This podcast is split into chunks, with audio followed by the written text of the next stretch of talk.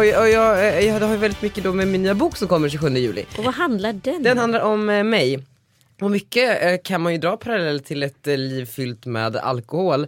Ehm, för den handlar ju om, det är modern uppväxtskildring. Ja. Mitt liv från ett ganska liksom förutsättningslöst pojkrum i Västerås med stora drömmar om att bli någonting som så många ja, drömmer om idag framförallt när det finns ja, men, sociala medier och man kan liksom vara andra människor fast ändå inte.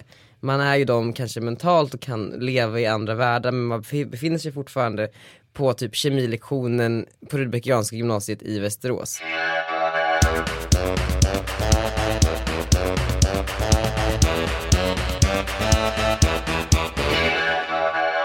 Välkommen i alla fall Daniel Redgert som är Fyllepoddens gäst den här veckan. Vi brukar oftast göra ett litet intro jag och Mm. Sanna men Sanna är inte här så då gjorde du ett intro helt enkelt genom att prata om dig själv. Jättebra, jättebra. Jag vill höra mer om det här för det här är Mm. väldigt spännande tycker jag. Eh, ni lyssnar på Fyllepodden med mig Anita Schulman och eh, är ni intresserade av andras eller era egna alkoholvanor så kan ni gå in på iq.se eller på alkoholprofilen.se och göra test där. Det är ganska kul. Gör det ibland, bara då och då. Bara för att checka läget. Har du gjort det? Nej. Eller vadå, vad får man, får man veta om man är alkoholist då typ? Nej men man kan veta om man ligger i riskzonen och om det finns något specifikt att tänka på. Såna där grejer. Har dina alkoholvanor förändrats? Mycket skulle jag säga. Till, det, till mer konsumtion? Nej till mindre konsumtion. Alltså väldigt mycket mindre. Ja. Ja men hur många drack du igår då? Eh, Jag drack ganska mycket och det är inte så, jag är inte så van att torsdags-eventa längre. Jag tycker inte det är li- lika kul. Det är också mycket för att det har varit, ja men typ vinter. Nu är det ju sommar. Ja. Eh, och, och det finns ju något pirrigt i att gå på de här eventsen och framförallt Diplomat är ju ett återkommande varje år. Det är mycket så här Östermalmstanter och gubbar. Och Ja, har- jäklar vad tanter och gubbar det älskar var. ju sånt. Ja, du Eh, gör så ju det var det. så kul att få vara där. Och eh, då vill man ju gärna dricka några glas för mycket så att man pallade också. Men drömde du om att stå på Diplomat eller på Elgalan när du satt hemma i ditt pojkrum i Västerås? Ja, kanske inte diplomat men eh, inte Elgal. Nej alltså events har aldrig liksom varit Men vad var attraktionen med den här världen när du men- liksom var en tonåring? Någonting som har varit väldigt så här, symboliskt för, det finns två ställen som har varit liksom återkommande under förflyttningen, både geografiskt och liksom, ja, men när man skulle flytta. Så. Nivå 22, eh, som är ett eh, skjul vid Fridhemsplan i princip, riktigt risigt jävla ställe där man kan få fem shots för 100 kronor. Wow. Ehm, så dit, alltid när jag började komma till Stockholm så gick jag, jag, jag, och mina vänner vi gick dit och tog de här shotsen för att bli fulla. För målet var sedan att gå till Spybar, för att det var det vi hade läst om. Ah. Eh, så just eh, nivå 22 och Spybar har betytt väldigt mycket och när man kommer till Spybar så är det ju inte säkert att man kommer in. Vi såg alltid till att skriva upp oss på sådana här listor på Facebook så här, under 21 år eh, innan eh, midnatt eh, Ja. så att man skulle komma in. Eh, men det var bara f- 50% av gångerna man kom in och kom man inte in så fick man typ sova på gatan tills första tåget eh, gick hem på morgonen. Ah, du bodde inte ens här då? Nej, nej, nej. nej, nej, nej, nej. Eh, och sen så, um, så ibland kom man in och bara fick se allt det här hända, alla de här människorna man bara läst om och, och det är ett sånt där väldigt, eh, ja men ett ställe som jag drömt om när jag satt i Västerås. Ja, okej jag förstår. Och nu är det ju inga problem för dig att komma in på Spybar. Jo typ, för att jag har blivit lite för gammal. Jo, jo, men vi skiter i det. Men hur känns det? Det känns, eh, jag, jag har, fasar in när någon säger att de vill gå till Spybar. Alltså under en utekväll, jag, jag vill gå hem tidigare än så. Ja, Eh, men kan du känna, alltså det finns ju någon typ av tes, nu ska jag inte säga att det är så här, men att de åren man vill hamna på Bindefelds lista eller kändislistan, då gör man inte det. Och när man väl är där, då bryr man sig inte speciellt mycket. Nej, absolut inte. Nu är man ju så trött på allting här. Ehm, det, var ju så här, det var ju någon ny grej som öppnade igår också. Spybar har ju tagit över Laroys lokaler. Just det. Eh, och skulle vara någon hemlig innergård där och Little Gin, Rebecca Fiona, alla de där stod och rökte och, och drack och såg man på Snap. Jag orkade liksom inte hela vägen dit. Och eh, hade det här varit för fem år sedan hade jag hade kutat dit. Ja, Eh, men inte längre. Men Jag har inget att hämta. Nej, jag förstår. Men du lever ändå ett väldigt speciellt liv och det är väldigt många unga människor som avundas det du får vara med om. Ja. Blir, man, blir du liksom hemmablind eller blir du, så får du så här nypar i armen upplevelser? Nej men jag, alltså, försök, jag är ju ganska ofta i Västerås där jag kommer ifrån. Ja. Eh, för att bara säga men vad är livet och vad är verkligt och vad är inte verkligt. Eh, så då får man ju väldigt, eh, men stor självinsikt när man inser att Sverige ser, eller världen ser inte ut som den gör där jag lever. Det är väldigt liten klick som lever så här. Men känner du dig att västeråsarna är bonniga eller föraktar du småstaden? Eller? Nej jag älskar småstaden, alltså jag älskar allt som är folkligt och, och härligt och så att jag, så jag, jag har ju någon fascination för TV4-profiler exempelvis. Jag älskar Gry Forssell och Linda Lindorff och alla de här för att de just talar till den stora massan. Um, och, och, jag försöker ju någonstans, folk kan missuppfatta det ibland som att jag hånar tanterna och gubbarna på landet. Men jag älskar ju dem, jag vill ju vara där, det är därför jag åker till Västerås hela tiden. Jag blir så trött på allt här och hur liksom människors problem som, alltså, hur det kan bli så, hur saker som egentligen inte är av något allmänintresse kan blåsa upp så stort i media när egentligen mottagarna på andra sidan inte bryr sig. Alltså förstår du vad jag menar? Mm. Och, och jag vill liksom på något sätt bara poängtera det. Jag vet inte med min humor och när jag håller på med Gunillor hit och dit. Och, alltså...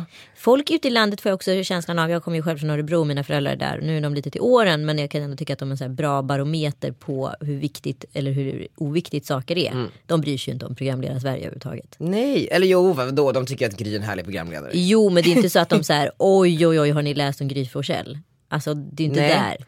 De säger bara det är en bra programledare, det är en dålig programledare. Det är typ så de klassificerar ja, men de, de, de förhåller sig i alla fall till ja, det. Absolut. De kan prata om det, de vet vad det är. Ja. Det är det när folk bara, ja hörde ni om det här? Man bara, men ingen vet vem Petra Tungården är i Borås. Alltså... Ja men kan det vara så att Stockholm blir lite uppblåst ibland och saker och ting tenderar till att bli lite viktigare än? Väldigt så. Um, och, och, och, ja, jo absolut. Har du mest eh, kompisar från Västerås eller utom Socknes eller har du mest Stockholmskompisar nu för tiden? Jag har inga kompisar. alltså jag har väl typ en handfull kompisar. Alltså jag, jag har, eh, jag tycker att det är besvärligt, eller det blir eh, jag, jag in, intervjuades faktiskt precis om min nya bok och då pratade vi om, eh, om mitt förhållande till kompisar. Och jag har, inte medvetet, men tror jag skalat bort att ha många vänner som man engagerar sig mycket i. Jag har liksom två gamla vänner från Västerås typ som, som jag älskar och liksom kan vända mig till om allt. Jag kanske har två, tre bra Stockholmsvänner men that's it. Ja. Och jag orkar inte mer för att när man väl sen så tittar man hur andra vänner liksom integrerar med varandra. Det är så jävla mycket, det är drama, det är bråk, det är, eh, man måste höra av sig, man måste, alltså, gud, jag förstår inte, folk måste bli tokiga.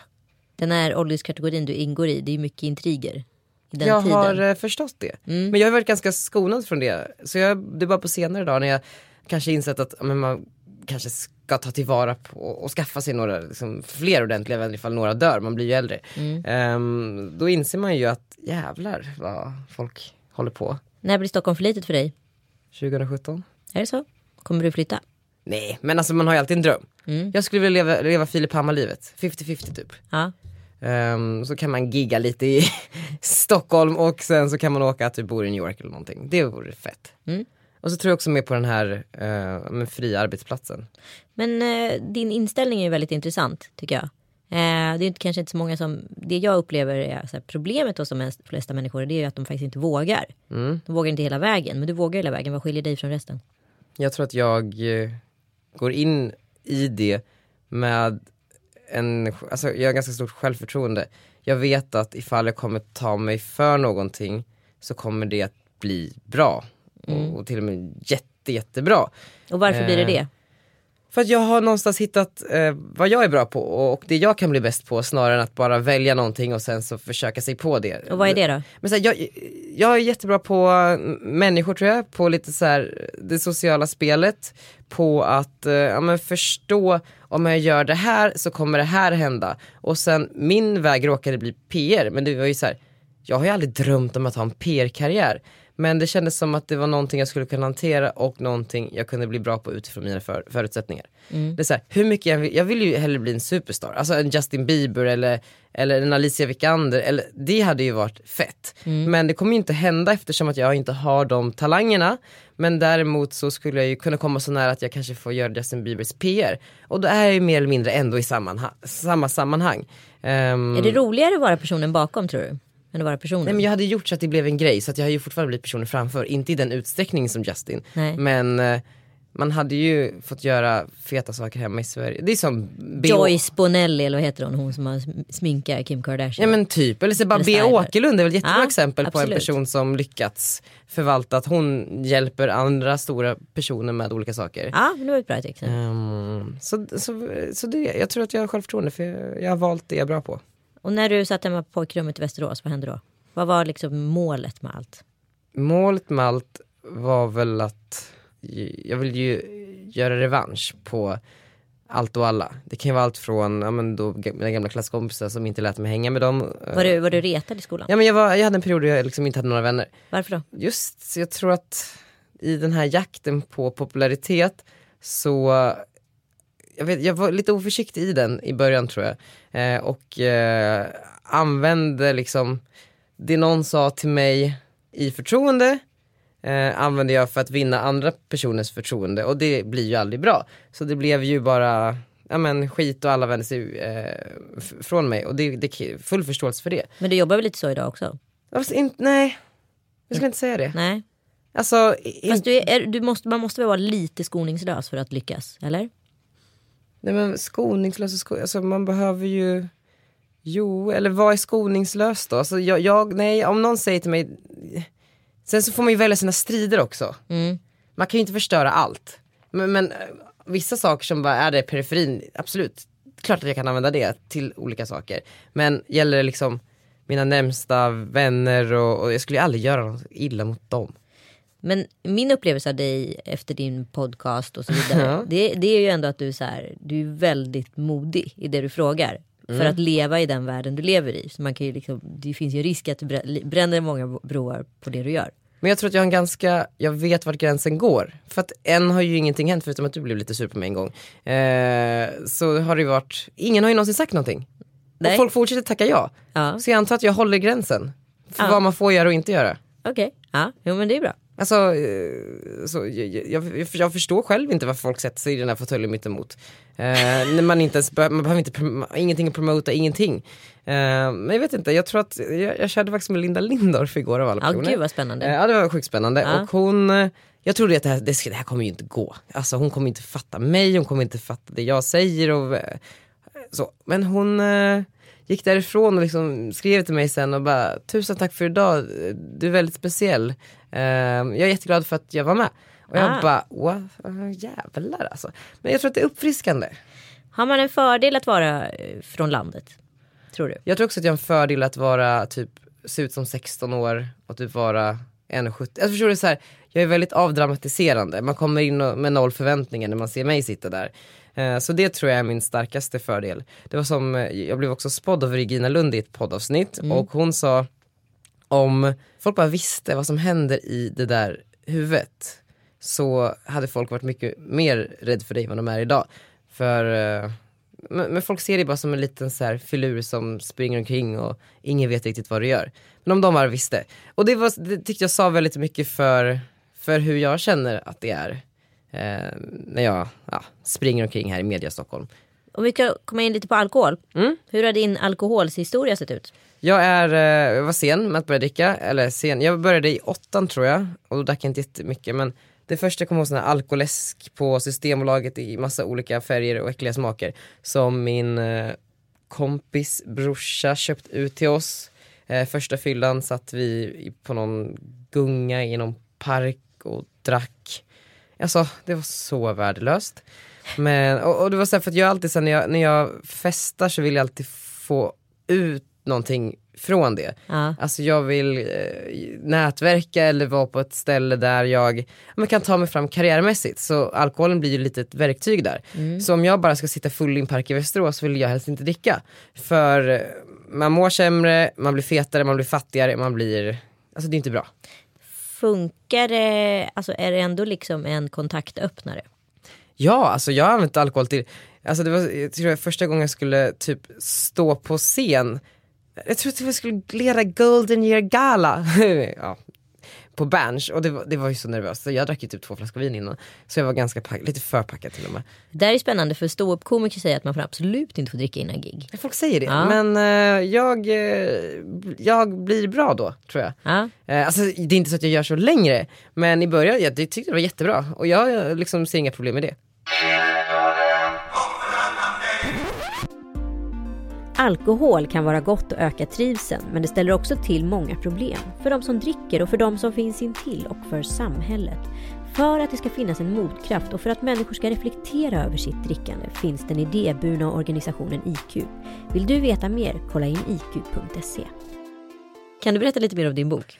Jag, eh, nej men det, det gör jag gärna. Jag ska släppa då en bok, den kommer 27 juli och den heter Vem fan är han? För det är många som ställer sig den frågan, alltså det är ju inte så att det är eh, en fråga som hela Sverige ställer sig, men några stycken. Och då vill jag svara de människorna på Flashback och de i kommentarsfält och liksom som håller på, eh, vill jag ge dem historien om vem fan han är. Och den historien kan man säga då är en modern uppväxtskildring om hur det är att växa upp idag med allt vad det innebär. Det känns som att det finns inget som har skildrat, ja men att växa upp med liksom sociala medieförebilder, det har man inte haft tidigare. Växa upp med eh, att, att målet kanske är att eh, men inte vet jag, ha många följare på Instagram istället för att eh, få en eh, gedigen läkarutbildning. Så det, det börjar liksom i mitt pojkrum i Västerås där jag eh, bor och lever, går på naturvetenskapliga linjen, känner mig liksom aldrig helt hundra i det.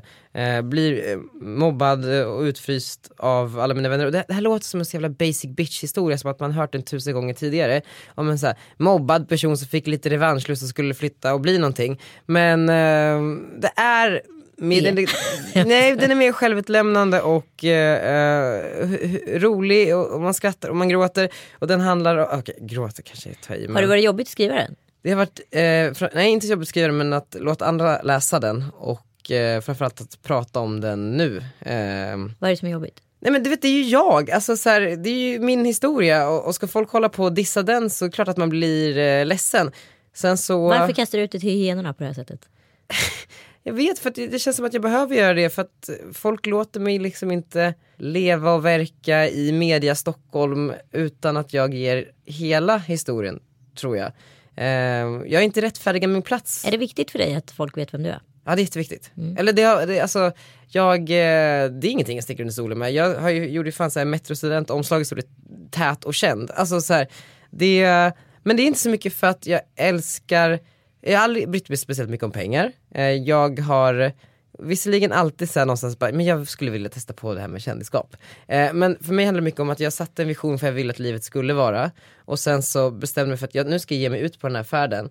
Och i den här resan, i det här självförverkligandet mår jag så jävla bra. När jag känner att det liksom, det går vägen, det går kanske trögt ibland, ibland går det snabbare. Men att jag hela tiden är på väg till den här visionen som jag någonstans har satt. Eh, och, och när, vad, vad, är den visionen? För att nu är du ju i ett kändisskap skulle man kunna säga. Ja men det är inte riktigt tillräckligt kanske. Nej, så, du ska göra liksom internationellt kändisskap? Nej, men, nej, jag har alltid bara haft en dröm om Sverige mm. från början liksom. Eh, men nu så, när man, man när jag snuddar på liksom det man ville vara då. Eh, så, så, så, nu är man ju såhär, okay, men vad är nästa resa? Och den behöver inte vara alls ha någonting med pengar eller kändisskap. Det kan vara så här, men jag vill rädda kattungar i Norrland eller jag vill åka och eh, bli läkare i Bangladesh. Alltså det kan ju vara vad som helst men jag tror att det är så viktigt för människor att när man väl sätter ett mål eh, som man är nöjd med att man liksom fullföljer det hela vägen. Mm. För just självförverkligandet är för mig liksom nyckeln till ett lyckligt liv. Har du um, växt mycket de senaste åren, alltså som själsligen? Jättemycket tror jag. Mm. Uh, för att jag också så här skit, alltså, så, som bara den här saken med vänner. Att jag har sagt att jag inte har prioriterat det. Uh, jag har ju insett att livet är också mycket större än jakten på ja, men, karriär, fame and fortune och allt vad det kan vara. Uh, att livet är stort och det finns fler aspekter och man måste springa på fler bollar samtidigt. Annars blir man jävligt miserabel tror jag. Framförallt om man väl kommer i mål. Och så står man där, okej okay, men nu står jag här på scen på sommarkrysset eller vad fan det kan vara. alltså så. Och bara, men vad, allt det andra då? Um, så jag tror att jag framförallt växt mycket att man måste liksom ja, men, tänka på livet från fler aspekter samtidigt.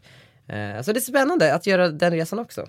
Men du, jag får alltid intrycket av olika personer som har bra självförtroende som du har, som jag upplever, att ni är ganska sårbara. Är ni det? Ni är känsliga. Ja, alltså jag är jättesvår. Alltså, jag måste kunna ta kritik, framförallt konstruktiv kritik. Mm. Annars kommer jag aldrig komma vidare i livet. Sen så, så elakheter har jag också haft ganska svårt eh, för. Men nu börjar jag liksom jag börjar också typ förstå alla som, vad folk skriver och vad det kommer ifrån. Och jag, eller så, jag tror att så förståelse bygger liksom världen. Um, så jag tror man måste ha förståelse för varandra bara. Ja. Okej, men använder du sociala medier mycket på fyllan? Jättemycket. Jag kommer ihåg, jag tydligen så har jag haft en livesändning här om eh, eh, veckan där eh, jag ligger full i sängen efter typ spenderat upp, valborg i Uppsala. Som typ som att jag vore 16 och eh, eh, svara på folks frågor. Lite som du brukar göra. Ja. Men då är det typ så här, "Jaha, berätta vad tjänar du, vad gör du det här, hur är det här, Eh, berätta någonting om den här personen och jag tydligen svarar då på allting. Eh, alltså, och då klockan typ 18 på eftermiddagen Och du är full? och jag är jättefull. Ja. Ehm, och så, så gör jag tydligen sånt lite då och då. Ehm, och det är inte så kul för så ser man det är kunder som tittar och det är liksom mamma och pappa och det är så här, nej. ehm, så jag, Jag såg när du höll på att liksom bli iväg, slängd av Drakes eh, posse. Det var ju för sig kul. Det var i för sig väldigt Det var roligt. kul. Jag har ju gjort en del sådana kul saker. Det var exempelvis när eh, Justin Bieber var i stan. Ja. Eh, Så, så stod jag bara och filmade så här, tre svarta bilar med tonade rutor. För jag bara, "Åh, det här kan ju vara Justin Bieber typ. Ja men då kliver ju såklart Justin Bieber in i min Snap-film. Nej, Eh, så fick jag, jag bara, eh, alltså du vet, eh, så skickade jag till Expressen och Aftonbladet så tjänade jag 500 spänn. Eh, och sen så var det ju då Drake också utanför, heter det bara då? ja. Ehm, nej men så filmade vi bara två bilar som stannade, vi, vi visste att det var på gång.